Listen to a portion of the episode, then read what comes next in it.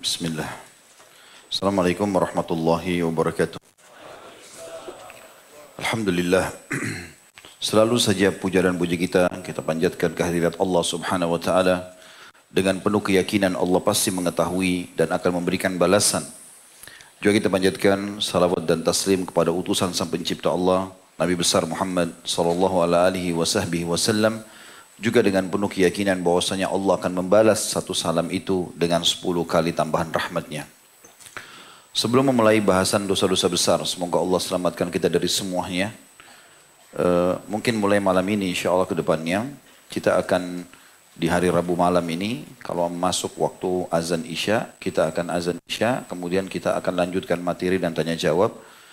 Nanti sekaligus iqamah, lalu sholat Isya, habis itu kita bubar supaya tidak dua kali dari majelis duduk seperti ini, atur lagi sab sholat, kembali lagi seperti itu. Jadi seperti kita sedang menunggu antara azan dan iqamah dan itu dibolehkan insya Allah. kita akan bahas pada malam ini teman-teman dosa besar tentang bab keraguan. Kalau yang pegang bukunya di halaman 75.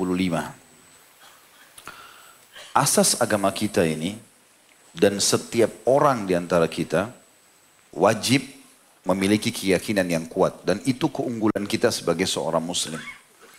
Apa pun yang telah disampaikan oleh Allah dan Rasulnya tidak ada keraguan di dalamnya. Masuk akal atau tidak masuk akal. Sesuaikah dengan kondisi kita atau tidak sesuai dengan kondisi kita. Sesuaikah dengan adat istiadat atau tidak sesuai dengan adat istiadat. Bagi seorang muslim kita akan yakini yang benar yang dikatakan oleh Allah dan Rasulnya dan yang dianggap salah oleh Allah dan Rasulnya kita anggap salah walaupun benar di seluruh mata manusia. Maka ini pondasi dasar. Dan ini yang dibangun oleh Nabi SAW di generasi awal Islam dan seterusnya akan turun temurun dibangun di atas itu. Teman-teman sekalian, tidak boleh ada keraguan sedikit pun. Kalau mau mengingkari bahas bahasan malam kita ini tentang masalah meragukan wahyu. Kalau ada orang yang mengingkari wahyu, kafir. Karena orang-orang kufur ingkar terhadap Al-Quran, ingkar terhadap risalah Nabi Muhammad SAW, ingkar tentang keberadaan Allah. Itu sudah tidak diragukan lagi. Tapi yang kita bahas malam ini, Muslim tapi masih punya keraguan. Benar gak sih? Gitu. Ragu-ragu ini jadi dosa. Tidak boleh orang ragu. Itu yang ditulis oleh Syekh Muhammad bin Wahab dalam bab ini tentunya. Makanya kita harus menggali dan mulai dari malam ini ke depannya, kita tidak bicara masa lalu, bagaimana keyakinan itu maksimal kalau ada persentase 100% maka kita 100%. Saya berani bersumpah teman-teman di sini demi Allah sebagaimana kita ketemu di sini, demi Allah kita akan ketemu di surga. Gak ada keraguan, asal sama iman dan amal soleh. Gak ada keraguan. Dan itu yang Nabi SAW tanamkan kepada para sahabat. Makanya mereka saling berlumba-lumba. Kalau ada yang perang, begitu mati syahid, kalau ada yang jatuh, tertusuk, pedang, kena panah jatuh, teman-temannya pada jatuhin badan bersama mereka. Sambil mengatakan, wahai fulan, jangan lupa syafaatmu. Dia kejar temannya yang mati itu, yang jatuh, mumpung dia belum meninggal, maka dia jatuhkan juga badannya sambil mengatakan, wahai fulan, jangan lupa syafaatmu. Dia kan punya 70 orang yang dia bisa selamatkan. Dengan penuh keyakinan pasti temannya itu akan mati syahid dan juga akan mendapatkan apa yang dijanjikan. Kenapa seseorang di antara kita teman-teman sekalian sangat yakin kalau dia kerja di sebuah perusahaan, dia akan terima gaji di akhir bulan. Padahal pemilik perusahaan manusia, bisa bohong, bisa menipu. Kenapa kita begitu yakin? Kalau tidak yakin tidak mungkin kita bekerja. Bagaimana dengan janji sang pencipta Allah yang kita yakini sebagai pencipta? Demi Allah ikhwani sekalian, Allah itu ada dan dia adalah pencipta. Gak ada raja selain Allah. Semua ini langit, bumi, udara, air, tumbuh-tumbuhan, manusia, hewan-hewan. Allah lah yang menciptakannya. Allah lah yang mengawasinya. Allah maha melihat, maha mendengar. Dan demi Allah itu semua benar. Gak ada keraguan dalam masalah itu. Dan harus kita bangun di atas pondasi itu. Sehingga kita bisa sampai pada tingkat ihsan. Tingkat tertinggi dalam agama kita. Islam, iman, dan ihsan. Kau menyembah Allah, kata Nabi SAW, seakan-akan kau melihatnya. Yakin Allah itu ada dan tidak boleh ragu. Banyak orang atau kita sendirian, Allah tetap mengawasi. Itu poinnya. Kemudian begitu juga teman-teman sekalian demi Allah. Di majelis kita ini ada malaikat. Demi Allah ada. Gak ada keraguan. Karena Nabi SAW bilang. Tidak ada orang yang berkumpul di rumah dari salah satu, rumah Allah mempelajari ayat-ayat Allah kecuali akan turun ketenangan bersama mereka. Dihadiri oleh para malaikat. Beliau mengatakan dalam hadis lain tidak ada penuntut ilmu kecuali dinaungi oleh sayap-sayap para malaikat karena ridho terhadap apa yang mereka lakukan. Demi Allah itu benar ada dan di sini ada walaupun tidak nampak dengan mata. Gak ada keraguan dalam masalah dan harus dibangun di atas pondasi itu. Demi Allah di pundak kita ada malaikat yang mencatat amal baik, amal buruk. Demi Allah ada malaikat yang meniupkan ruh di rahim perempuan. Ada juga yang, yang, yang mencabut ruh. Ada yang mengatur pergantian siang malam. Ada yang mengatur hujan. Ada yang mengatur segala macam hal. Demi Allah teman-teman Al-Quran bukan perkataan manusia. Tapi perkataan sang pencipta Allah. Kalamullah, perkataan sang raja sebenarnya. Sedang berbicara dengan kita. Kalau mau dapat petunjuk, buka Al-Quran. Petunjuk, cahaya nur, hudan. Allah katakan cahaya, petunjuk, syifa, obat. Gak ada keraguan. Orang yang ragu ini jadi masuk dalam bahasan kita malam ini. Demi Allah semua benar. Gak ada keraguan. Jangan ambil patokan pedoman kecuali Al-Quran.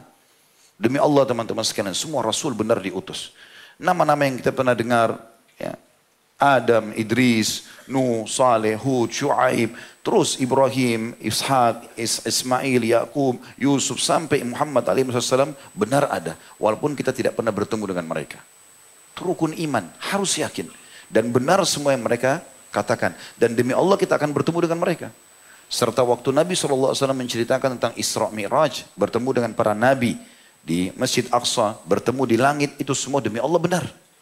Gak ada keraguan dalam masalah itu. Dan tidak boleh ragu.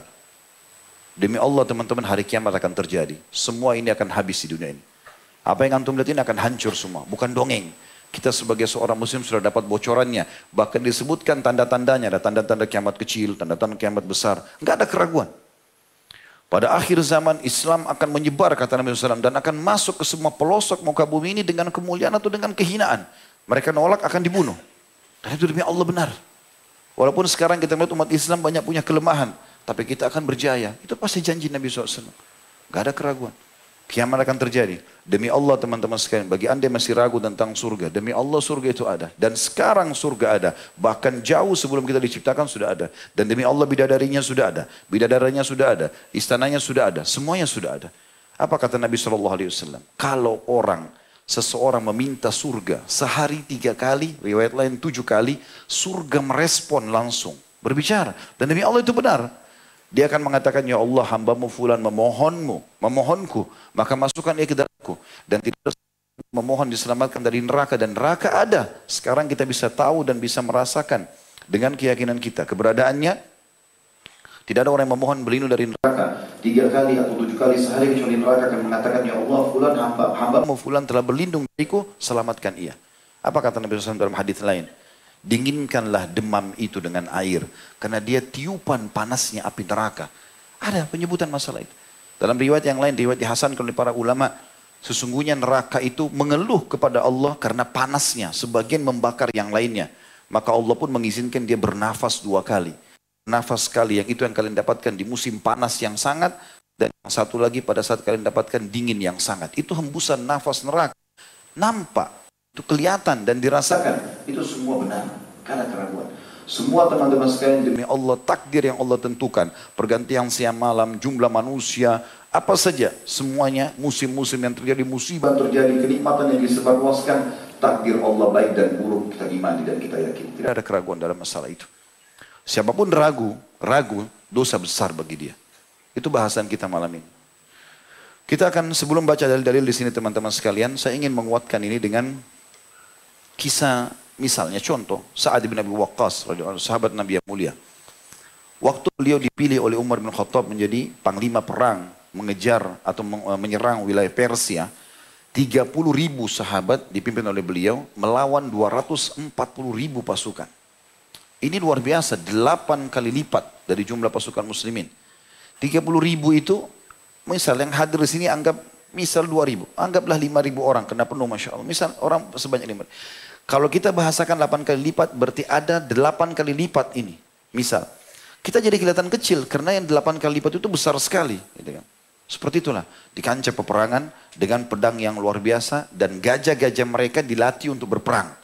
Gajah-gajahnya itu semuanya besi kecuali bagian mata saja. Dan gajahnya itu sudah dilatih. Mereka menyeruduk dengan gading-gadingnya, mereka menekan dengan kaki-kakinya dan seterusnya. Muslimin kerepotan melawan mereka. Tapi subhanallah keyakinan berbeda. Di atas asas keyakinan semua muslimin yakin akan Allah berikan kemenangan. sampai mereka tiba di sebuah sungai yang membatasi setelah 240 ribu itu kocar kacir dikalahkan. Tentu kisahnya panjang sekali tentang perang Qadisiyah, perang Nahawan, ada beberapa perangan. Insya Allah nanti akan kita bahas itu. Bismillah dalam kajian uh, sirah atau kajian Umar bin Khattab saya akan buat sendiri bagaimana masa kejayaannya beliau. Intinya sampai pasukan muslimin tiba di, di wilayah Madain. Madain itu kayak kita Jakarta, ibu kota gitu kan. Tapi sudah diatur sedemikian rupa. Dia ada di tengah-tengah seperti pulau sendiri dikelilingi dengan sungai ini dibuat oleh mereka. Dalam sekali, gak bisa kuda lewat, gak bisa orang berenang pun kerepotan karena jauh jaraknya. Lalu kemudian sampai di situ, kapal-kapal semua sudah tidak ada karena diangkat oleh orang-orang Persia, pintu gerbang mereka di seberang ditutup semuanya. Maka saat Ibn Waqqas pada saat lihat itu, lalu dia berpikir, bagaimana caranya lewat? Diskusi dengan beberapa sahabat, bagaimana caranya kita lewat? Mau buat kapal butuh berhari-hari. Pasukan musuh tidak boleh kita berikan kesempatan semangat mereka kembali. Karena mereka sudah kalah. Tiba-tiba saat diam sejenak lalu mengatakan, aku sudah azam dengan penuh keyakinan kita harus melewati sungai ini. Semua pasukan hampir 30 ribu orang. Karena umat Islam sedikit pada saat itu. Semuanya menyeberang dengan kuda-kuda dan unta mereka. Dan ini tidak masuk akal bagi orang-orang Persia. Subhanallah, kata saat saya berazam wahai muslimin. Dan yakinlah, kita akan dimenangkan oleh Allah subhanahu wa ta'ala. Tidak mungkin Allah sampaikan kaki kita di sini, kecuali Allah memang mau kita menguasai. Dan ingatlah sabda Nabi SAW, sekelompok dari sahabatku, sedikit, akan merebut istana putihnya Kisra. Dan kita sudah berada di depan itu. Maka kalau saya takbir tiga kali ikutlah. Subhanallah takbir tiga kali semuanya ikut. Tidak ada satupun kuda mereka yang tenggelam. Tidak ada satupun orang yang tenggelam. Dan pada saat itu dikenal peperangan mereka dengan ada istilah ya. Yom Jurthuma. Apa itu Jurthuma? Jurthuma itu kalau dalam orang Arab di sungai biasanya ada gundukan tanah karena sering didorong oleh air dia terbentuk. Orang bisa berdiri di situ. Ya, ternyata muslimin setiap kali ada yang mau tergelincir jatuh keluar Jurthuma itu dari dari sungai itu. Dan mereka bisa istirahat, jalan lagi. Dan itu disaksikan oleh orang Persia. Sempat waktu kasus itu, saat dengan penuh keyakinan jalan dan semua sahabat jalan, saat sempat khawatir, jangan sampai ada di antara muslimin yang tenggelam. Dia berharap tidak ada satupun yang tenggelam pada saat itu.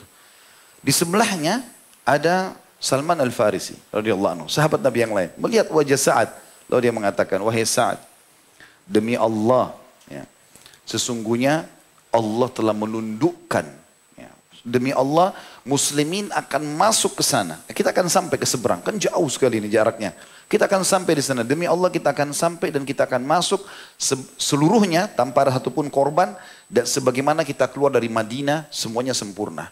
Dan ketahuilah wahai Sa'ad, sesungguhnya Allah telah menundukkan laut-laut untuk muslimin sebagaimana Allah tundukkan daratan buat mereka. Lalu dia bersumpah atas nama Allah, Salman mengatakan, demi zat yang jiwa Salman di dalam genggamannya, Sesungguhnya pasti kita akan selamat semuanya tidak ada satupun korban. Kata para ulama, sesungguhnya Salman dengan penuh keyakinan bersumpah atas nama Allah supaya Allah selamatkan. Dan sampai ke pojok, di pinggir semuanya selamat. Gak ada satupun yang tenggelam. Melihat kejadian tersebut orang Persia bicara. Bagaimana manusia-manusia ini bisa melewati sungai? Gak ada kapal, gak ada apa-apa. Berenang pun mungkin banyak orang Umumnya muslimin, waktu itu 30 ribu orang, umumnya kalau kita bisa bahasakan persentase 80-90% tidak bisa berenang. Karena orang padang pasir, nggak ada air mereka. Gitu kan. Tapi mereka pada saat itu bisa berenang, bisa jalan, dan dengan santai. Diceritakan oleh Salman, dia mengatakan, pada saat kami lagi menyeberang, kami sedang berbicara tentang bagaimana kita akan merebut nanti Kisra, menaklukkan bentengnya dan bagaimana nanti kita akan membawa pasukan ini sampai menguasai ini dan bagaimana nanti kita akan berpesta gembira dengan pahala ini di surga dengan penuh keyakinan. Mereka mengatakan kami ngobrol seperti akan terjadi semuanya dengan penuh keyakinan. Gak ada keraguan dalam masalah itu.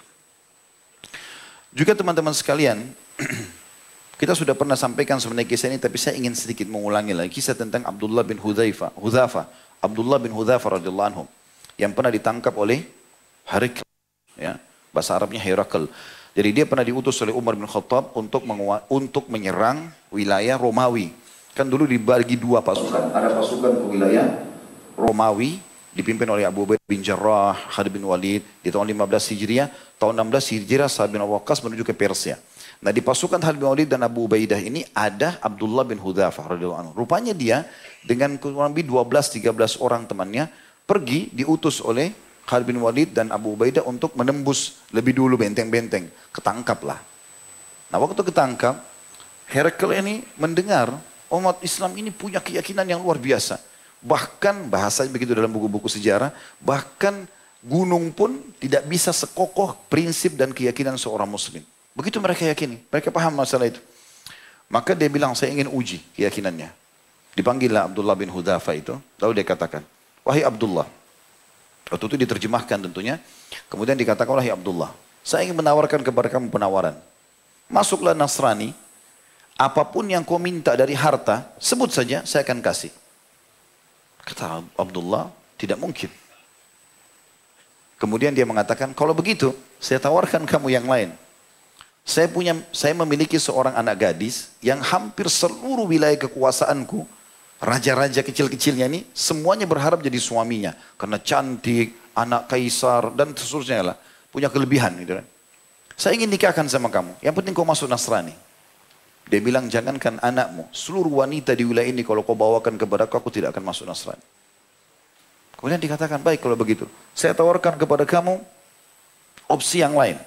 Penawaran yang ketiga itu adalah penawaran tentang masalah kau akan aku berikan kedudukan. Minta apa saja jabatan. Bisa jadi menteri, bisa segala. Ditolak juga. Baik penawaran terakhir. Aku berikan kau setengah kerajaanku. Semua ini jadi saksi. Menteri-menteri semua. Jadi saksi semuanya. Saya berikan kau setengah kerajaanku. Kata Abdullah, tidak bisa. Jangankan setengah. Seluruh kerajaan kau kasih saya tidak akan terima. Untuk meninggalkan agama Islam tidak.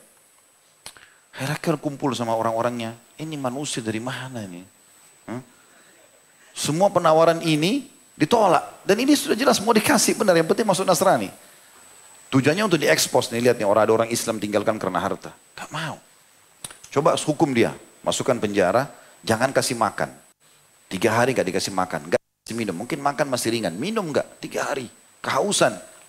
Sudah tiga hari dimasukkan khamer dan ini khamar bukan khamar biasa, khamar raja.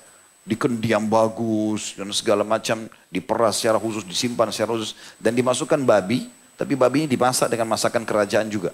Dihiangkan dalam kondisi tiga hari nggak makan nggak minum. Ditunggu, dia dimakan nggak tuh diminum nggak? Sampai tiga hari ke depan nggak disentuh sama sekali sama Abdullah. Jadi sudah enam hari kelaparan ya. Nggak disentuh sama dia. Sampai membusuk. Laporlah prajurit-prajurit kaisar. Dia nggak sentuh makanan itu. Coba keluarkan, keluarkan. Diseret, sudah sangat lemah. Sudah sangat lemah, kakinya itu sudah terseret di tanah. Di istana itu. Lalu kemudian kata Kaisar, kenapa kau nggak makan? Sementara kau sudah enam hari nggak makan. Kenapa kau nggak minum? Sementara kau haus. Dia bilang, saya tidak menyentuhnya sementara saya sehat. Saya tidak akan menyentuhnya pada saat saya lagi tersiksa seperti ini. Dan saya tidak akan pernah menghinakan agamaku karena penawaranmu. Kaisar yang akan membunuh dia digituin. Kaisar bingung bagaimana menghadapi orang ini. Dia lakukan hal yang lebih besar lagi. Yaitu dia coba ya, tawarkan untuk dihukum. Hukumannya itu yang disebutkan dalam riwayat adalah dia disalib, dipasang di sebuah kayu besar, lalu disiapkan anak-anak panah. Pemanah, kalau kita seperti sniper-sniper, siap menembak dia. Dan panah ini jelas, sangat dekat jaraknya dan bisa merobek tubuhnya. Diletakkan mungkin 20-30 orang dan siap semua menarik. Dikasih instruksi untuk ditarik. Mau dilihat, Tinggalkan agama enggak? Satu tarikan terlepas setelah 30 anak panah ini. Kata Herakl, tanya dia. Kalau dia mau tinggalkan agamanya sekarang, kita lepaskan, tidak jadi bunuh. Kata Abdullah, jangankan 30 anak panah ini. Semuanya kau suruh prajurit panah saya, saya tidak akan tinggalkan. Tidak goyah. Didatangkan akhirnya minyak panas, lalu didatangkan satu persatu prajuritnya. Dilempar-lemparin ke dalam minyak panas itu. Baru dilempar sedikit, keluar tinggal tulang-tulang saja. Depan Abdullah. Abdullah ditundukkan, diperlihatkan itu. Terus saja dilempar, lalu kemudian dikasih gilirannya. Begitu gilirannya Abdullah, Abdullah nangis. Kata Kaisar, kata Herakl kepada orang-orang, dia sudah nangis, kayaknya dia ketakutan. Gitu kan. Lalu kata Herakl, coba tanya, kenapa dia nangis? Ditanya Abdullah bin Abbas, kenapa kau nangis? Dia bilang, saya menangis karena saya cuma punya nyawa satu. Saya berharap punya nyawa sejumlah rambut saya. Supaya semuanya saya matikan dalam minyak ini. Semuanya mati di jalan Allah. Kerangkat tangan ini sudah nggak bisa diapakan lagi, nggak bisa ini. Dan percuma, sekarang kalaupun dilemparkan ke dalam api, dalam minyak panas, dia mati pun namanya makin harum. Harus diapakan ini? Kata Herakl begini saja. Saya akan lepaskan kamu. Tapi dengan satu syarat. kau cium kepala saya. Biar orang lain lihat. Gitu kan. Supaya dia tidak malu. Kali ini diterima sama Abdullah. Dia Abdullah mengatakan baiklah. Tapi dengan syarat. Pada saat saya cium kepalamu, kau lepaskan semua tawanan muslimin. Dia bilang baik, dilepaskan, dilepaskan semua tawanan. Dengan dia cium kepala supaya diperlihatkan orang-orang semua bahwa seakan-akan Abdullah minta maaf, padahal sebenarnya tidak. Gitu kan? Dilepaskanlah semua tawanan muslimin lalu dipulangkanlah ke Madinah. Waktu Umar dengar itu, Umar nangis, sahabat semua nangis. Lalu Umar mengatakan, mengatakan kepalamu hai Abdullah lebih layak untuk saya cium. Dicium sama Umar, dicium sama sahabat-sahabat yang lain. Kemuliaan dan penuh keyakinan. Gak ada ketakutannya kecuali kepada Allah subhanahu wa ta'ala. Ini pondasi dasar yang harusnya terbangun dalam kehidupan kita tentunya. Sekarang teman-teman kita coba masuk kepada uh, ayat-ayat Al-Quran ya, yang ditulis oleh penulis ini, Syekh Muhammad bin Abu Habib rahimahullah. Yang pertama diangkat surah Al-Hujurat ayat 15. A'udzu billahi minasyaitonir rajim. Innamal mu'minuna alladziina amanu billahi wa rasulihi tsumma lam yartabu wa jahadu bi amwalihim wa anfusihim fi sabilillah. Ulaika humus shadiqun. Sesungguhnya orang-orang beriman itu hanyalah orang-orang yang beriman kepada Allah dan Rasulnya. Yang diyakini Tuhan hanya satu Allah, Rasulullah Muhammad SAW benar utusan Allah. Kemudian mereka tidak ragu-ragu. Ya, begitu kan terjemahnya. Yang tidak pegang buku bisa buka aplikasi Al-Qur'annya ya. Kita mau tadabur ayat banyak sekarang. Coba dibuka Al-Hujurat ayat 15. Saya ulangi. Sesungguhnya orang-orang yang beriman itu hanyalah orang-orang yang beriman kepada Allah dan Rasulnya. Kemudian mereka tidak ragu-ragu dan mereka berjuang, yakin, berjihad, Membela agama Allah dengan harta dan jiwa mereka di jalan Allah. Mereka itulah orang-orang yang benar. Atau orang-orang yang sadikun. Sedik orang-orang yang memiliki derajat tertinggi di surga nanti. Juga yang kedua Al-Baqarah ayat 4 sampai ayat 5. Allah subhanahu wa ta'ala berfirman. A'udhu billahi minasyaitan rajim. Walladzina yu'minuna bima unzila ilaika wa ma unzila min qablika wa bil akhirati hum yukinun. Kalimat yukinun saksi bahasan kita. Ulaika ala hudam min rabbihim wa ulaika humul muflihun. Dan orang-orang yang beriman kepada kitab Al-Quran yang diturunkan kepada Muhammad. Dia yakin itu dari Allah, itu kalamullah, dia terapkan hukumnya, halal yang dihalalkan Al-Quran, haram yang diharamkan Al-Quran. Dan juga mengimani kitab-kitab yang telah diturunkan sebelummu. Taurat, Injil, Taurat kepada Musa AS, Injil kepada Isa AS, Zabur kepada Nabi Daud AS. Serta mereka yakin yakin akan adanya kehidupan akhirat. Gak ada keraguan. Seperti tadi saya sumpah depan antum. Demi Allah kita akan ketemu di sana. Gak ada keraguan dalam masalah itu. Yang penting antum beriman pada Rasulullah. Dan tidak ada keraguan orang-orang kafir akan dibakar di api neraka. Orang akan saksikan nanti itu. Kita akan terdaburi ayatnya insya Allah. Mereka itulah yang mendapat petunjuk dari Rob mereka. Penuh keyakinan tentang adanya kehidupan akhirat. Mereka adalah orang yang dapat petunjuk. Dan mereka adalah orang-orang yang beruntung. Al-Baqarah ayat 4 sampai ayat 5. Juga Al-Jathiyah. Al-jasi artinya tertunduk ya. Orang-orang yang nanti orang-orang kafir tertunduk depan neraka, mereka menyesal, tapi nggak ada manfaatnya. Dalam ayat 32-nya Allah berfirman, A'udzu billahi minasyaitonir rajim. Wa idza qila inna wa'dallahi haqqun was-sa'atu la raiba fiha, qultum ma nadri mas-sa'atu inna dhunnu illa dhanna wa ma nahnu bimustaikinin. Dan apabila dikatakan kepada kalian, dan mereka pada saat di depan neraka, ya kemudian mereka sudah mau dimasukkan, mereka nyesal, maka para malaikat mengatakan, sesungguhnya janji Allah itu benar. Dan hari keberbangkit itu tidak ada keraguan padanya. Maka pada saat itu mereka atau kalian pernah berkata di dunia, kami tidak tahu apa itu hari kiamat. Kami sekali-kali tidak lain hanyalah menduga-duga saja. Dan kami sekali-kali tidak meyakininya. Itu sifat mereka. Sehingga nanti mereka jathia, tunduk pada hari kiamat dan terhina di hadapan Allah subhanahu wa ta'ala. Kemudian juga ada ayat Al-Quran, sebelum kita baca hadis-hadis di sini, tapi di buku kita tidak ada, bisa teman-teman buka tentunya. Di dalam surah As-Safat, surah Safat, surah nomor 37 dalam Al-Quran, kita coba baca dari ayat 39. Ini menguatkan ya tambahannya. Surah Safat, As-Safat, surah nomor 37 ayat 39 sampai ayat 61. Kalau ada waktu kita baca sampai ayat 74 insya Allah. Sudah lihat? Hah? Kelihatan orang yang biasa buka Quran dengan tidak. Hah? Sudah belum? Ini sayap kanan, sayap kiri sudah. Baik, saya bacakan ayat 39-nya. A'udzu billahi minasyaitonir rajim. Wa ma tujzauna illa ma kuntum ta'malun. Dan kamu tidak akan diberikan pembalasan melainkan terhadap kejahatan yang telah kau kerjakan. Kalau ada hukuman, maka hukuman karena kau sendiri pernah berbuat kesalahan. Lalu Allah bilang, ayat 40-nya, Illa ibadallahil mukhlasin. Tetapi hamba-hamba Allah ya, yang dibersihkan dari dosa. Maksudnya ada yang akan diselamatkan nanti hari kiamat.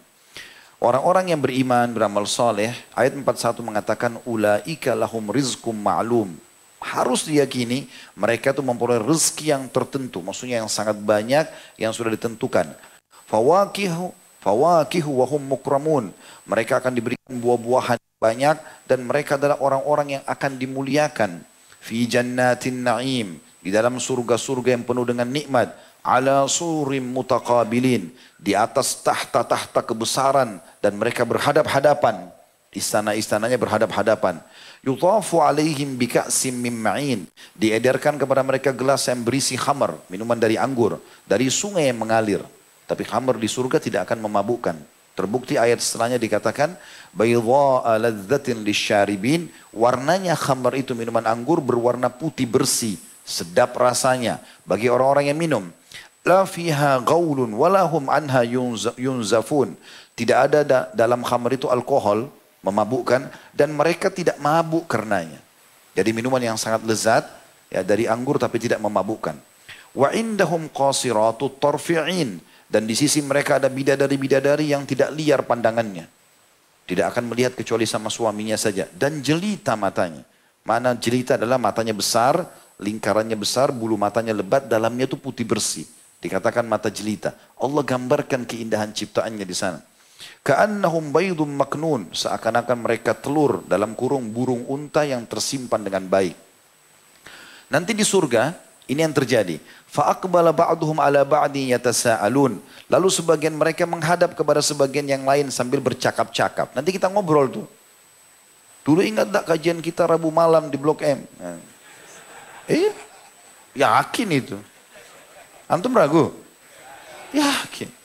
Harus yakin. Antum akan ingat muka anak nanti insya Allah. Apa yang mereka berbicara, di surga nanti ahli surga akan bicara. Di antara komunikasi di antara mereka adalah ayat 51-nya. Qala qailum minhum inni kana li qarin. Ini saksi bahasan kita nanti ya. Berkatalah salah seorang di antara mereka, ngobrol-ngobrol ahli surga nih. Sesungguhnya dulu di dunia, aku mempunyai seorang teman. Tapi temannya ini jelek. Apa yang dikatakan sifatnya? Yaqulu a'innaka laminal musaddiqin? Dia berkata, apa kau sungguh-sungguh termasuk orang yang membenarkan hari kebangkitan? Kau percaya itu ada surga dan neraka? Aidza mitna wa kunna turaban wa idhaman inna lamadinun? Dan dia juga berkata, apakah bila kita mati dan kita telah menjadi tanah dan tulang belulang, hancur di kuburan, apakah sungguhnya kita benar-benar akan dibangkitkan dan diberi balasan? Lalu dia katakan, Ahli surga ini mengatakan, Qala fahal an. Berkata orang tadi, mau nggak kalian meninjau temanku itu? Ayo kita cari di mana dia. Kan dia dulu buat masalah tuh. Ya? Dia bilang, apa kau percaya, apa kau gini? Di mana dia sekarang? Di surga nggak ada nih. Mau nggak sama-sama kita lihat ke neraka? Jadi perlu kita tahu ya, kita nanti di surga teman-teman bisa lihat neraka. Bahkan sebagian ahli, uh, kalau tidak salah disebutkan oleh Ibnu Qayyim rahimahullah dalam buku beliau Adil Arwah, itu ada riwayat di surga itu ada beberapa pintu. Salah satu ada pintu di belakang istana yang kalau dibuka bisa lihat neraka setiap saat. Dan kita lihat siksaan-siksaan mereka. Supaya kita terus bersyukur.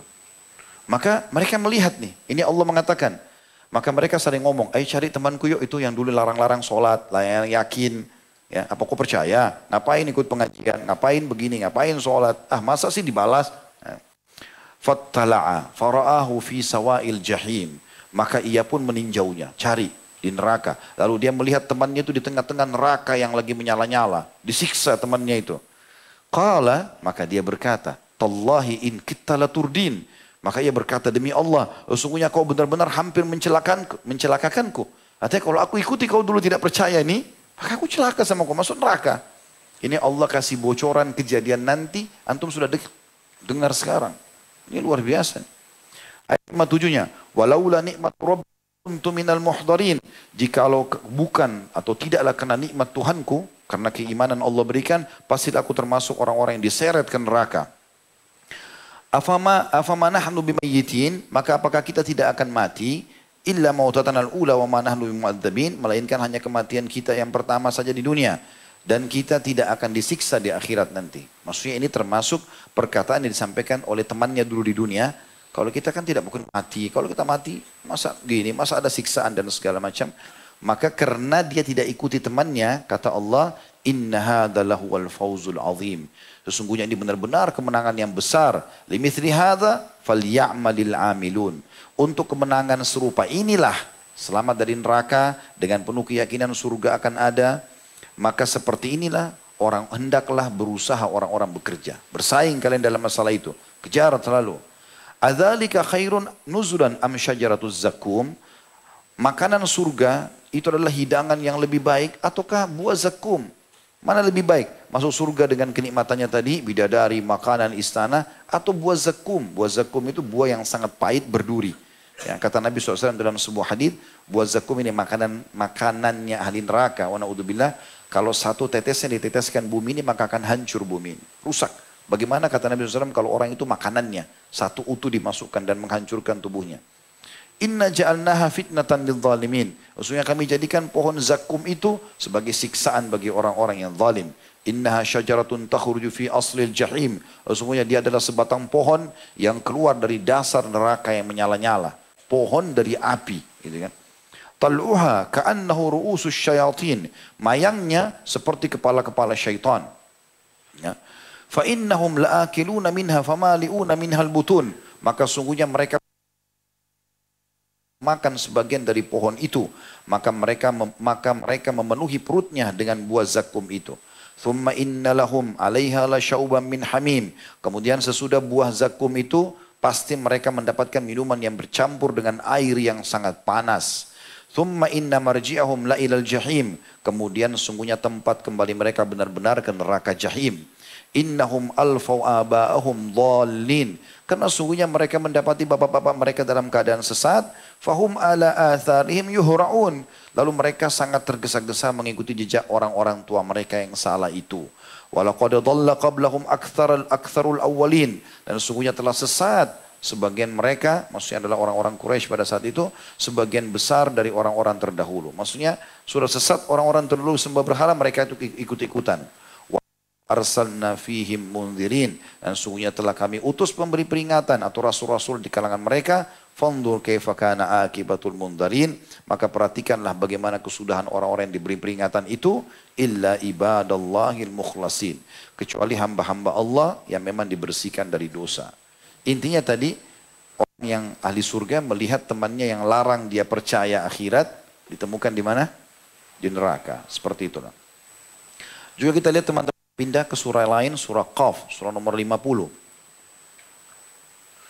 Surah Qaf ini sama tadi, kurang lebih kita lebih baik baca dari awalnya, dari ayat satunya sampai ayat 25 ya. Saya baca dengan cepat karena waktu. A'udzu billahi rajim Qaf wal Qur'anil Majid. Qaf demi Al-Qur'an yang sangat mulia. Allah memuji kitabnya dengan kata-kata mulia. Ini bukan perkataan manusia, petunjuk dan obat untuk manusia. Baca, sibukkan diri dengan itu. Bal ajibu an ja'ahum mundhirun minhum faqala al-kafiruna hadha syai'un ajib. Mereka tidak menerima bahkan mereka tercengang karena telah datang kepada mereka seorang pemberi peringatan dari kalangan mereka sendiri. Maksudnya Muhammad SAW dari kalangan manusia. Maka berkata orang-orang kafir, ini adalah sesuatu yang amat ajaib. Kenapa harus ada utusan Allah dari manusia? Di ayat lain mereka minta malaikat. Maka Allah menurunkan ayatnya mengatakan kalau di muka bumi ada malaikat-malaikat yang berjalan maka kami juga utus para malaikat. Tapi karena manusia ya manusia. Supaya mudah kita contohi. Gitu kan? Malaikat tidak makan, tidak minum. Kalau dia dari utusan Allah datang kepada kita, kita nggak bisa contohin. Nabi Muhammad SAW manusia, mudah untuk dicontohin. Aidha mitna wa kunna turaban dhalik raj'un ba'id. Apakah kami setelah mati dan setelah menjadi tanah, kami akan dibangkitkan kembali? Keraguan mereka selalu ada dengan itu itu adalah suatu pengembalian yang tidak mungkin. Orang-orang kafir bilang, Kada alimna ma tangkusul ardu minhum wa indana kitabun hafidh. Sesungguhnya kami telah mengetahui apa yang dihancurkan oleh bumi dari tubuh-tubuh mereka. Dan pada sisi kami pun ada kitab yang memelihara atau mencatat. Bal kadzabu bil haqqi fahum fi amrim marij. Sebenarnya mereka telah mendustakan kebenaran tak kala kebenaran itu datang kepada mereka. Dan mereka berada dalam keadaan kacau balau Afalam yanzuru ila samai fawqam kaifa banainaha wa zayyanaha wa ma laha min furuj. Kalau kalian masih ragu, maka lihatlah kata Allah. Apakah mereka tidak melihat akan langit yang ada di atas kepala mereka? Bagaimana kami meninggikannya dan menghiasinya dan langit itu tidak mempunyai retak sedikit pun. Wal arda madadnaha wa alqaina fiha rawasiya wa ambatna fiha min kulli zawjin bahij dan kami hamparkan bumi tempat mereka berpijak, tempat mereka mengambil hasil, ya hasil bumi, tempat mereka bercocok tanam, tempat mereka berjalan. Dan kami hamparkan bumi dan kami letakkan padanya gunung-gunung yang kokoh dan kami tumbuhkan padanya segala macam tanaman yang indah dipandang oleh mata. Belum yakin juga Allah masih bilang, ya, tabsiratan wa dzikra likulli abdin munib untuk menjadi pelajaran dan peringatan bagi tiap-tiap hamba yang ingin mengingat Allah. ونزلنا من السماء ماء مباركا فأنبتنا به جنات وحب الحصيد dan kami turunkan dari langit air yang banyak manfaatnya air hujan depan mata kita sering lihat apalagi sekarang lagi musim hujan kita bisa lihat siapa yang tuangkan air keran di kamar mandi bisa jalan sendiri tanpa ada yang nyalakan Gak mungkin itu pasti ada yang mengaturnya kadar airnya kapan dia mulai hujan kapan dia berhenti dan seterusnya Allah mengatakan kami yang turunkan itu dari langit dan banyak manfaatnya Lalu kami tumbuhkan dengan air hujan itu pohon-pohon dan biji-biji tanaman yang diketam. وَالنَّخْلَ بَاسِقَاتٍ لَهَا طَلْعٌ نَدِيدٌ Dan pohon kurma yang tinggi-tinggi dan mempunyai mayang yang bersusun-susun. Jadi kalau makan kurma jangan cuma makan. Lihat siapa yang buat kulitnya itu, warnanya, rasanya, bijinya, dan tidak pernah habis. Dari mana itu? Rizqan lil ibad wa ahyayna bihi baldatan maitan kadzalikal khuruj untuk menjadi rezeki bagi hamba-hamba kami. Mereka boleh makan, nikmati. Dan kami hidupkan dengan air hujan itu tanah yang sudah mati, kering. Allah turunkan hujan sejenak, tiba-tiba jadi tumbuh. Seperti itulah terjadi kebangkitan nanti hari kiamat. Kadzabat qablahum qaumun Nuhin wa ashabur rasy wa Thamud. Kalau kalian masih mendustakan, ingat sebelum mereka, sebelum kalian telah mendustakan pula kaumnya Nuh, lalu kami binasakan penduduk Ras dan Thamud, ya, wilayah-wilayah kaumnya Nabi Saleh wa Adu wa Fir'aun wa ikhwanu Lut dan kaum Ad, kaumnya Nabi Hud, kaum Fir'aun, kaumnya Nabi Musa dan kaum Lut, kaumnya Nabi Lut. Wa ashabul aikati wa kaum Tubba, kullun kadzdzaba ar-rusula fahaqqal wa'id dan penduduk Aika serta kaum Tubba. Aika sebagian ulama mengatakan dia adalah wilayah Nabi Nabi Saleh tadi ya. Kaum satu kaum Syuaib, maaf, kaum Syuaib, Nabi Nabi Syuaib. Kemudian Tubba adalah masyarakat Yaman, Kaum Tuba di sana dengan masyarakat Yaman, waktu Allah hancurkan bendungan mereka karena mereka kufur terhadap risalah para nabi. Semua telah mendustakan rasul-rasul, maka sudah semestinya mereka mendapat hukuman yang sudah diancamkan. Afa'ayina bil khalqil awal bal hum fi labsim min khalqin jadid maka apakah kami letih dengan penciptaan yang pertama sebenarnya mereka dalam keadaan ragu-ragu tentang penciptaan yang baru jadi Allah mengatakan kami tidak pernah letih dengan ciptaan itu semua maka apa sulitnya kami menghidupkan lagi nanti setelah mati. Walaqad khalaqnal insana wa na'lamu ma tuwassisu bihi nafsu wa nahnu aqrabu ilaihi min hablil warid dan sungguhnya kami telah menciptakan manusia dan mengetahui apa yang dibisikkan oleh hatinya dan kami lebih dekat kepadanya daripada ulat leher, urat lehernya sendiri. Idh yatalaqqal mutalaqiyani 'anil yamini wa 'anil shimali qa'id yaitu ketika dua malaikat mencatat amal perbuatannya kanan dan kiri amal baik amal buruk. Seseorang duduk di sebelah kanannya dan yang lain duduk di sebelah kirinya. Ma yalfidhu min qaulin illa ladaihi atid. Tidak ada suatu ucapan pun yang diucapkannya melainkan ada di dekatnya malaikat pengawas yang selalu hadir. Ini tertanam sekali di diri para sahabat luar biasa. Makanya Uthman bin Affan sampai dianggap ya malaikat malu kepada dia karena dia selalu tahu malaikat ada dan dia malu pun. Sampai tidak melihat auratnya sendiri dan seterusnya. Lalu Allah ceritakan, wajahat sakratul mauti bil haqq Dzalika ma kunta minhu tahid dan datanglah sakaratul maut dengan sebenar-benarnya. Kau kasih akan mati, sekampan, secantik, sekaya, sepintar apa pun kamu, pasti akan mati. Itulah yang kamu selalu lari daripadanya. Kalau kalian mampu coba tolak mati itu. Wa nufika sur, dzalika yaumul wa'id dan akan ditiup juga sangkakala terjadi kiamat. Itulah hari terlaksananya ancaman-ancaman. Wajahat kulu nafsim ma'ha sa'ikum wa syahid. Dan datanglah tiap-tiap diri bersamanya atau bersama dengan dia seorang malaikat penggiring dan seorang malaikat penyaksi. Jadi nanti hari kiamat kita datang, ada malaikat kiri kanan juga akan mendampingi. Satu khusus untuk menggiring dia. Jadi kayak orang digiring, dijaga, dia nggak bisa ke mana-mana. Dan yang satu lagi khusus jadi saksi. Memang dia saksikan semua perbuatannya. Memang orang ini lakukan, orang ini lakukan, baik atau buruk. Laqad kunta fi ghaflatin min hadha fakashafna anka ghita'aka fabasaruka al-yawma hadid. Sesungguhnya kamu berada dalam keadaan lalai dalam hal ini. maka si, kami sikapkan daripadamu tutup yang menutupi matamu, maka penglihatanmu pada hari ini amat tajam. Maksudnya hari ini kau lihat semua nih. Selama ini kau cuma dengar, kau anggap itu teori ada surga dan neraka, nih sekarang depan mata kau lihat. Wa qala qarinu hadha ma ladayya atid. Dan yang menyertai dia berkata, inilah catatan amalnya yang tersedia pada sisiku. Maksudnya malaikatnya bilang, ini bukti-buktinya atas semua perbuatannya. Alqiya fi jahannam kulla kafarin anid. Allah berfirman, lemparkan olehmu berdua, malaikat ini, ke dalam neraka semua orang yang sangat ingkar dan keras kepala.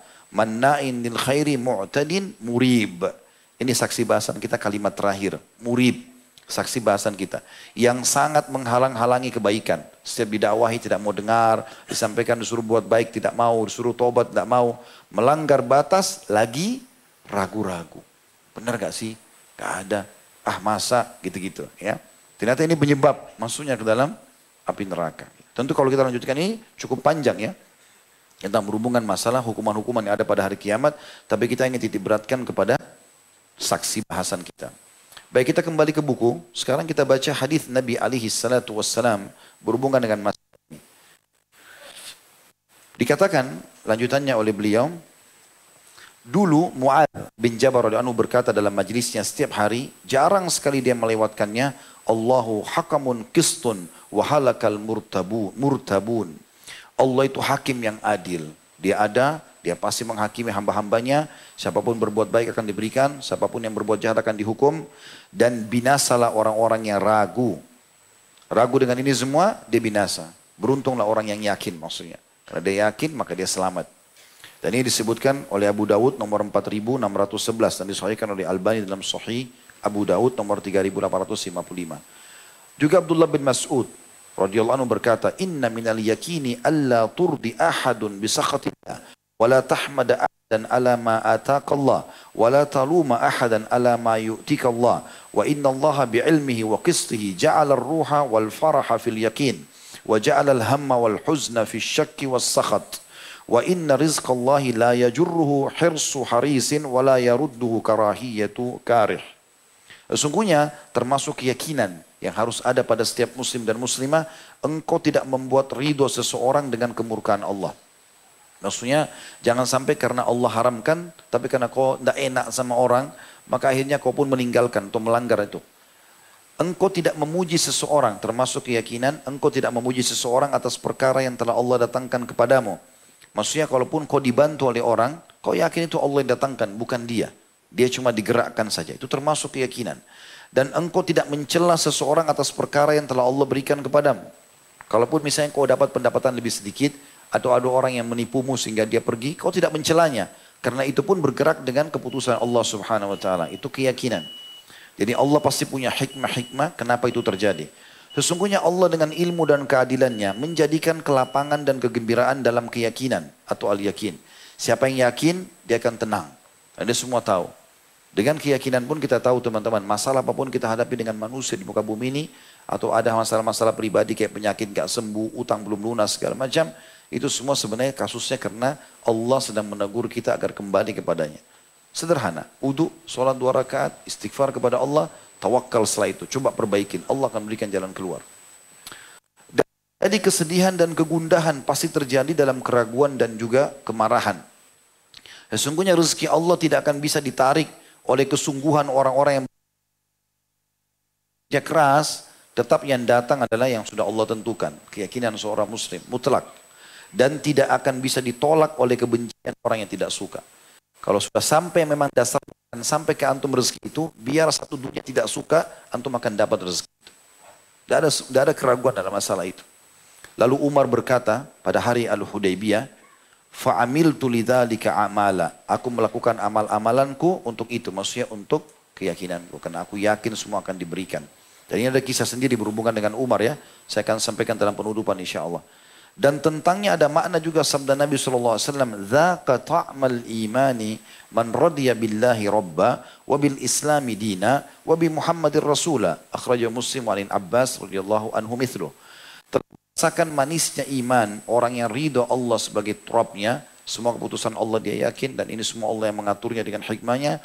Islam dia jadikan sebagai agama yang dia berjuang untuknya Tadi kisah Abdullah bin Hudhafa radhiyallahu dan seterusnya. Dan Muhammad adalah benar-benar utusan Allah yang wajib dia ikuti dan patuhi. Kita tutup teman-teman sekalian dengan bagaimana kisah Umar radhiyallahu anhu dan ada kisah seseorang sebenarnya namanya Abu Giyath ya. Saya coba sampaikan tapi insya Allah mungkin kita setelah azan. Sekarang azan dulu mungkin lebih baik. Fadal muadzinnya azan dulu. Kalau ada pertanyaan silakan ditulis nanti insya Allah kita akan baca sebelum iqamah. Saya akan tutup teman-teman sekalian kisah. Bagaimana keyakinan Umar bin Khattab ini sangat banyak sebenarnya kisahnya tapi di antaranya kisah ini. Pernah ada satu orang ditugaskan oleh Umar bin Khattab menjadi penjaga Baitul Mal. Namanya Mu'aikib. Mu'aikib ini orang yang jujur. Umar tidak akan pernah tunjuk radhiyallahu anhu kecuali orang yang terpercaya gitu. Mu'aikib ini Waktu Umar sifatnya itu kalau Baitul Mal sudah penuh langsung dibagi, dibagi rata dihabisin. Umar bin Khattab tidak mau tidur di kecuali Baitul Mal sudah kosong. Besok urusan besok, pendapatan datang besok, besok dibagi lagi, gitu kan. Intinya selalu dihabiskan, karena dia tahu itu amanah. Rupanya waktu sudah dibagi-bagi habis, terus mulai dibersihkan tempat itu sama Mu'aikib. Koin kecil, dirham, tidak ada nilainya. Mungkin kita seribu rupiah ini perumpamaan saja, kayak kecil sekali gitu. Lewatlah salah satu anak Umar bin Khattab, lalu Mu'aikib pikir, kan anaknya ambil mu'min juga masyarakat. Dilemparkan ke anak kecil itu dikasih. Suruh ambil saja. Daripada satu, satu dirham dibagiin ke orang susah lagi gitu kan. Pergilah dia. Mu'aikib pikir dia nggak buat salah. Gak lama kemudian baru belum selesai dia menyapu bersihkan Baitul Mal dipanggil oleh Umar bin Khattab datang. Lalu Umar pegang di tangannya koin dirham itu. Lalu kata Umar kepada Mu'aikib apa? Dia bilang, hai Mu'aikib, apa dosaku dan kesalahanku padamu? Kenapa kau begitu jahat? Kata Mu'ikib, kesalahan apa wahai mukminin? Ada masalah apa ini? Kata dia, apa kau mau dengan satu dirham ini seluruh umat Muhammad menuntut Umar pada hari kiamat? Satu dirham.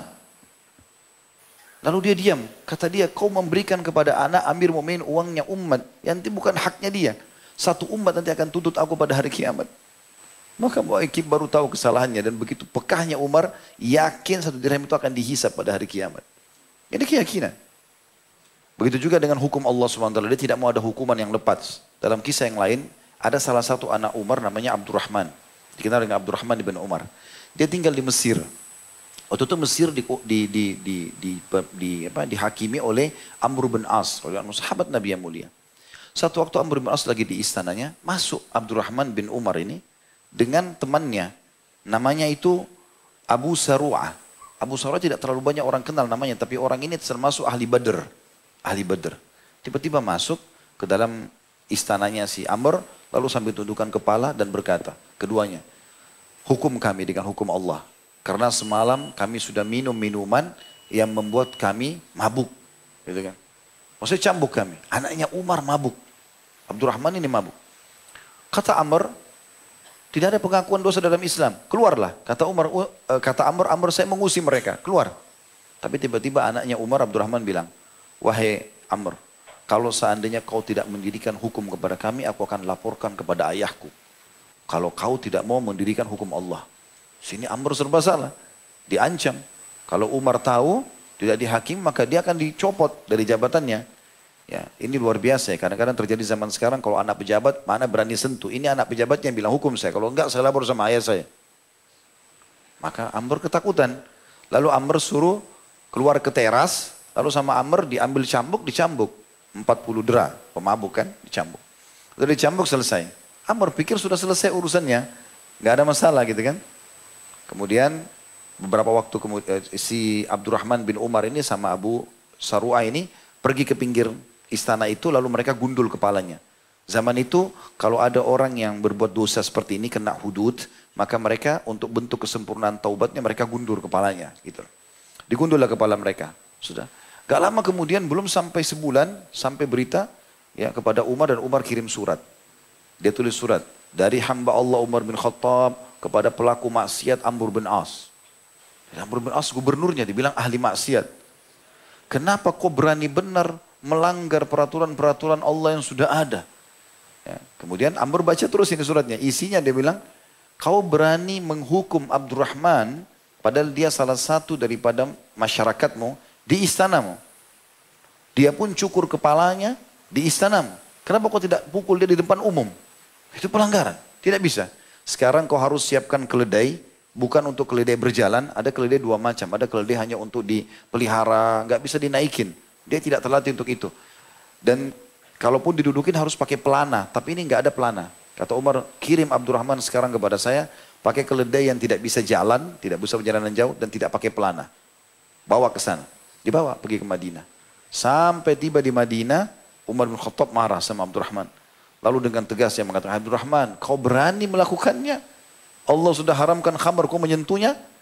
Padahal ini si Abdurrahman ini perjalanan dari Mesir ke Madinah itu mungkin sebulan. Di atas keledai yang itu capek, sakit dia pada saat itu. Lalu dipukul oleh Umar, dipukul terus. Di sebelahnya ada Abdurrahman bin Auf mengingatkan, wah ya Amir Mu'min, dia sudah tobat. Tidak didengar sama Umar, tetap dicambuk. Setelah dicambuk, kata si Abdurrahman, wahai ayahku, aku sakit, kau akan membunuhku kalau begini. Umar gak peduli. Ya, setelah selesai dipukul, beberapa hari kemudian mungkin sekitar seminggu dua minggu Abdurrahman meninggal. Ya, meninggal. Ada sebagian orang menyebarkan isu kalau Abdurrahman mati karena Umar dan ini tidak benar. Ibnu Qayyim luruskan. Rahimahullah Ibnu Qayyim mengatakan perlu diluruskan.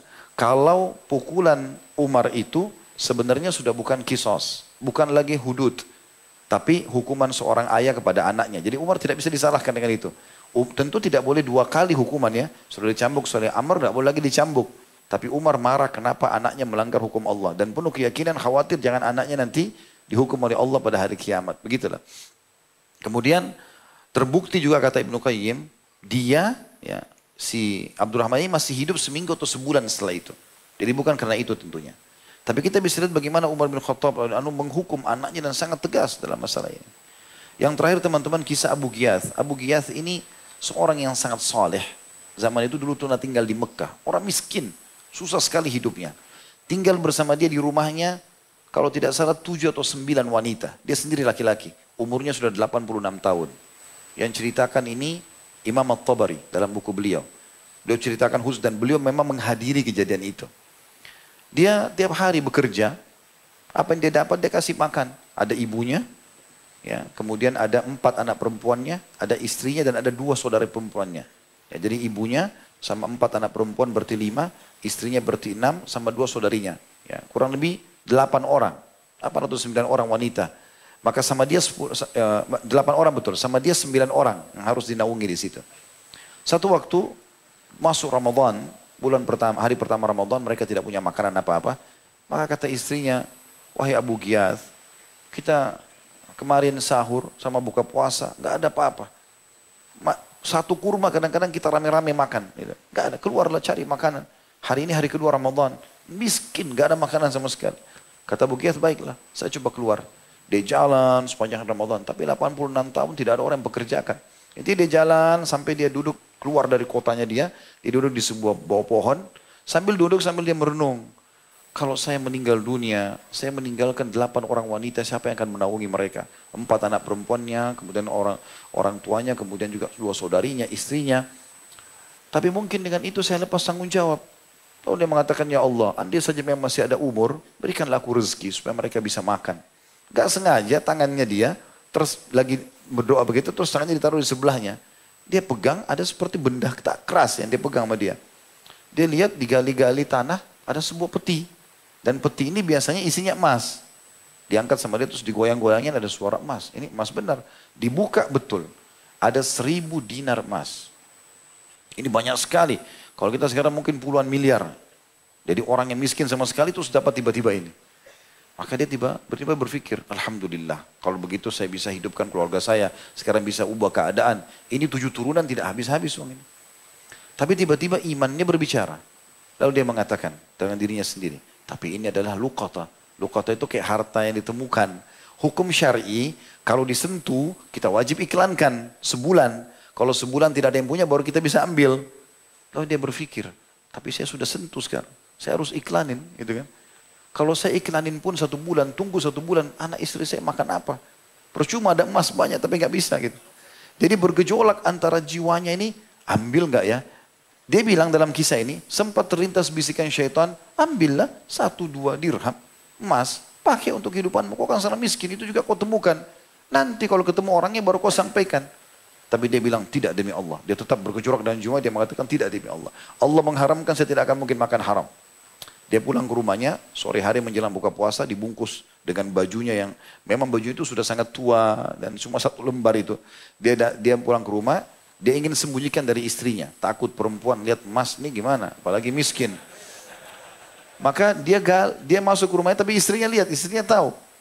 Ada apa di situ hai Abu Giyad? Maka Abu Giyas mengatakan, ini nama istrinya Lubaba. Hai Lubaba, tidak ada apa-apa, ya kecuali sesuatu yang aku temukan.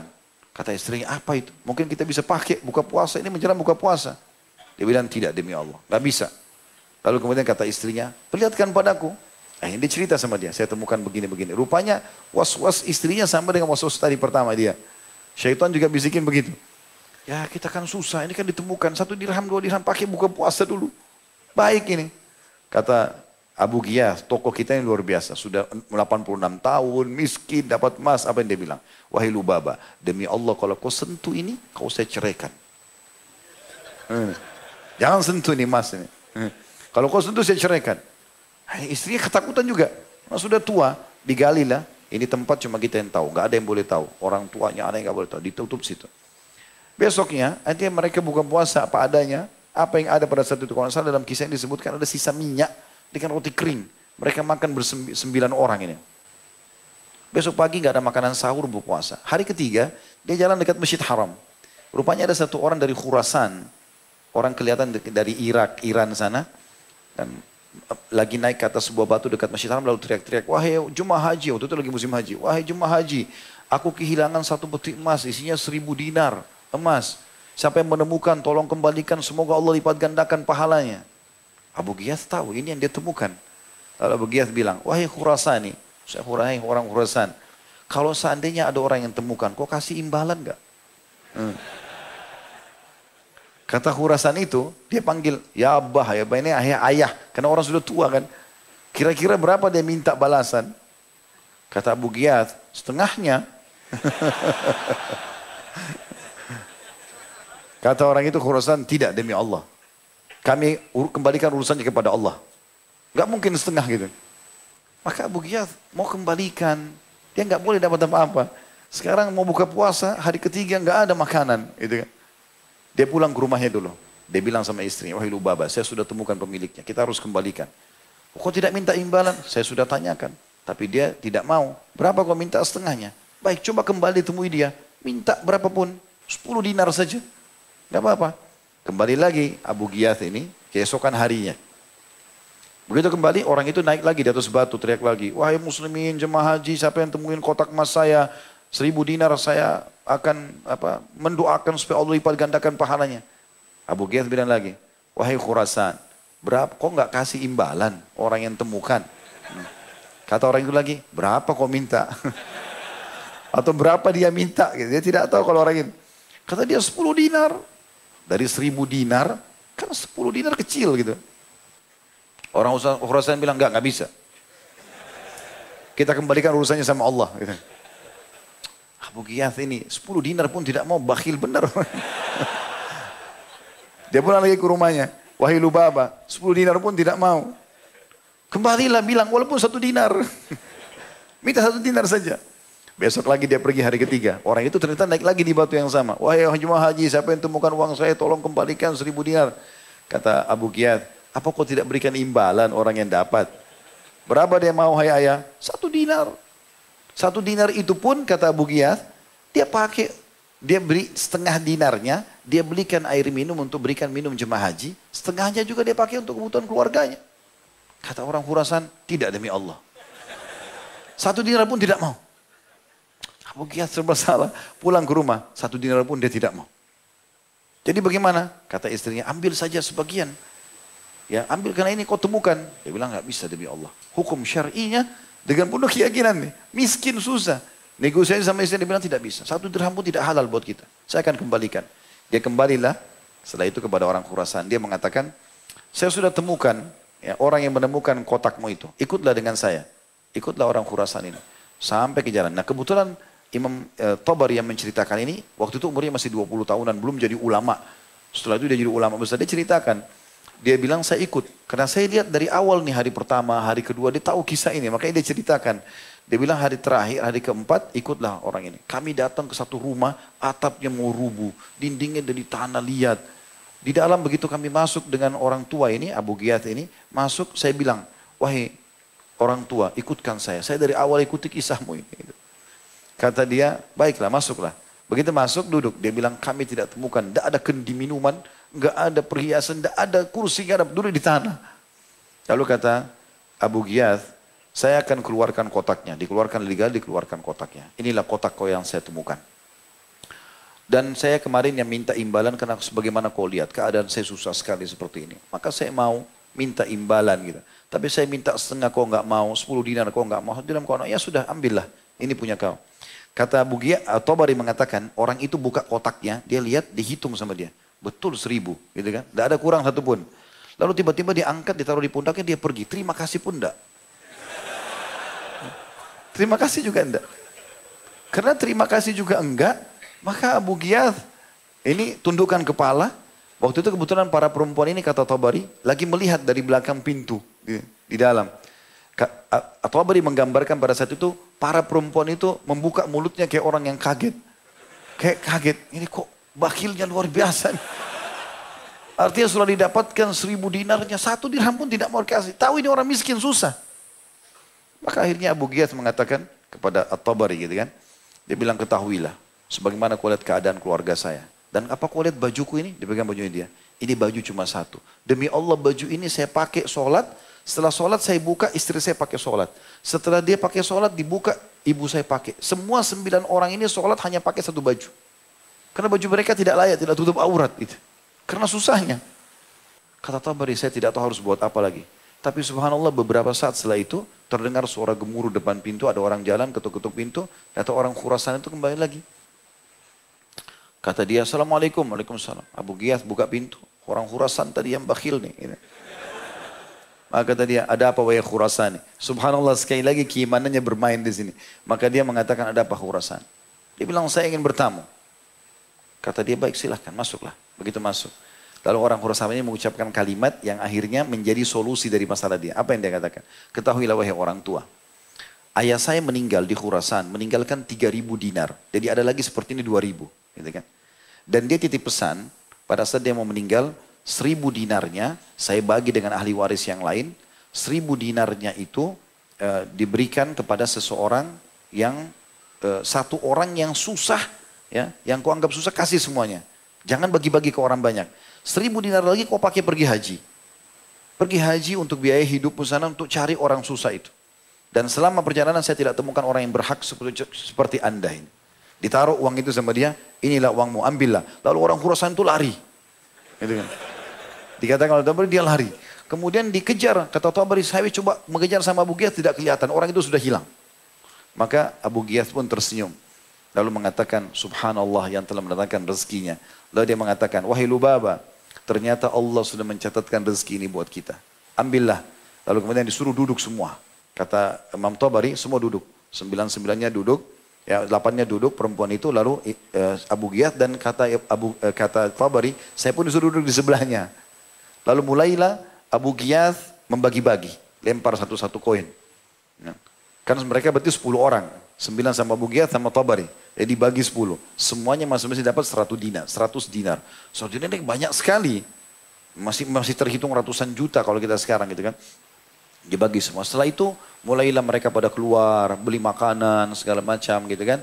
Lalu kata Eh, pada saat mereka lagi menjelang buka puasa, Tabari ditahan oleh Abu Giyas. Kamu buka puasa bersama kami. Buka puasa lah. Dia bilang makanannya enak, tiba-tiba baju sudah berubah, ada wangi-wangian di rumah gitu kan. Terus kata atau kata Tabari menceritakan Abu Giyas berkata pada istrinya, wahai Lubabah, bukankah ini lebih baik kita meninggalkan satu dinar yang haram karena Allah, Allah berikan kita seribu dinarnya. Begitu. Lalu kemudian kata Tabari, saya pun gembira dengan itu dan demi Allah uang itu berkah, tidak habis-habis. Saya pakai belanja ini nuntut ilmu segala macam, tidak habis-habis. Berapa tahun kemudian saya kembali ke Mekah, saya temukan anak-anaknya Abu, Abu Giyas sudah meninggal, saya temukan anak-anaknya menikah sama para pejabat-pejabat. Jadi kaya raya semuanya dan terkenal. Allah ta'ala muliakan. Hanya dengan keyakinan tidak akan makan yang haram, Allah balas. Seperti itu.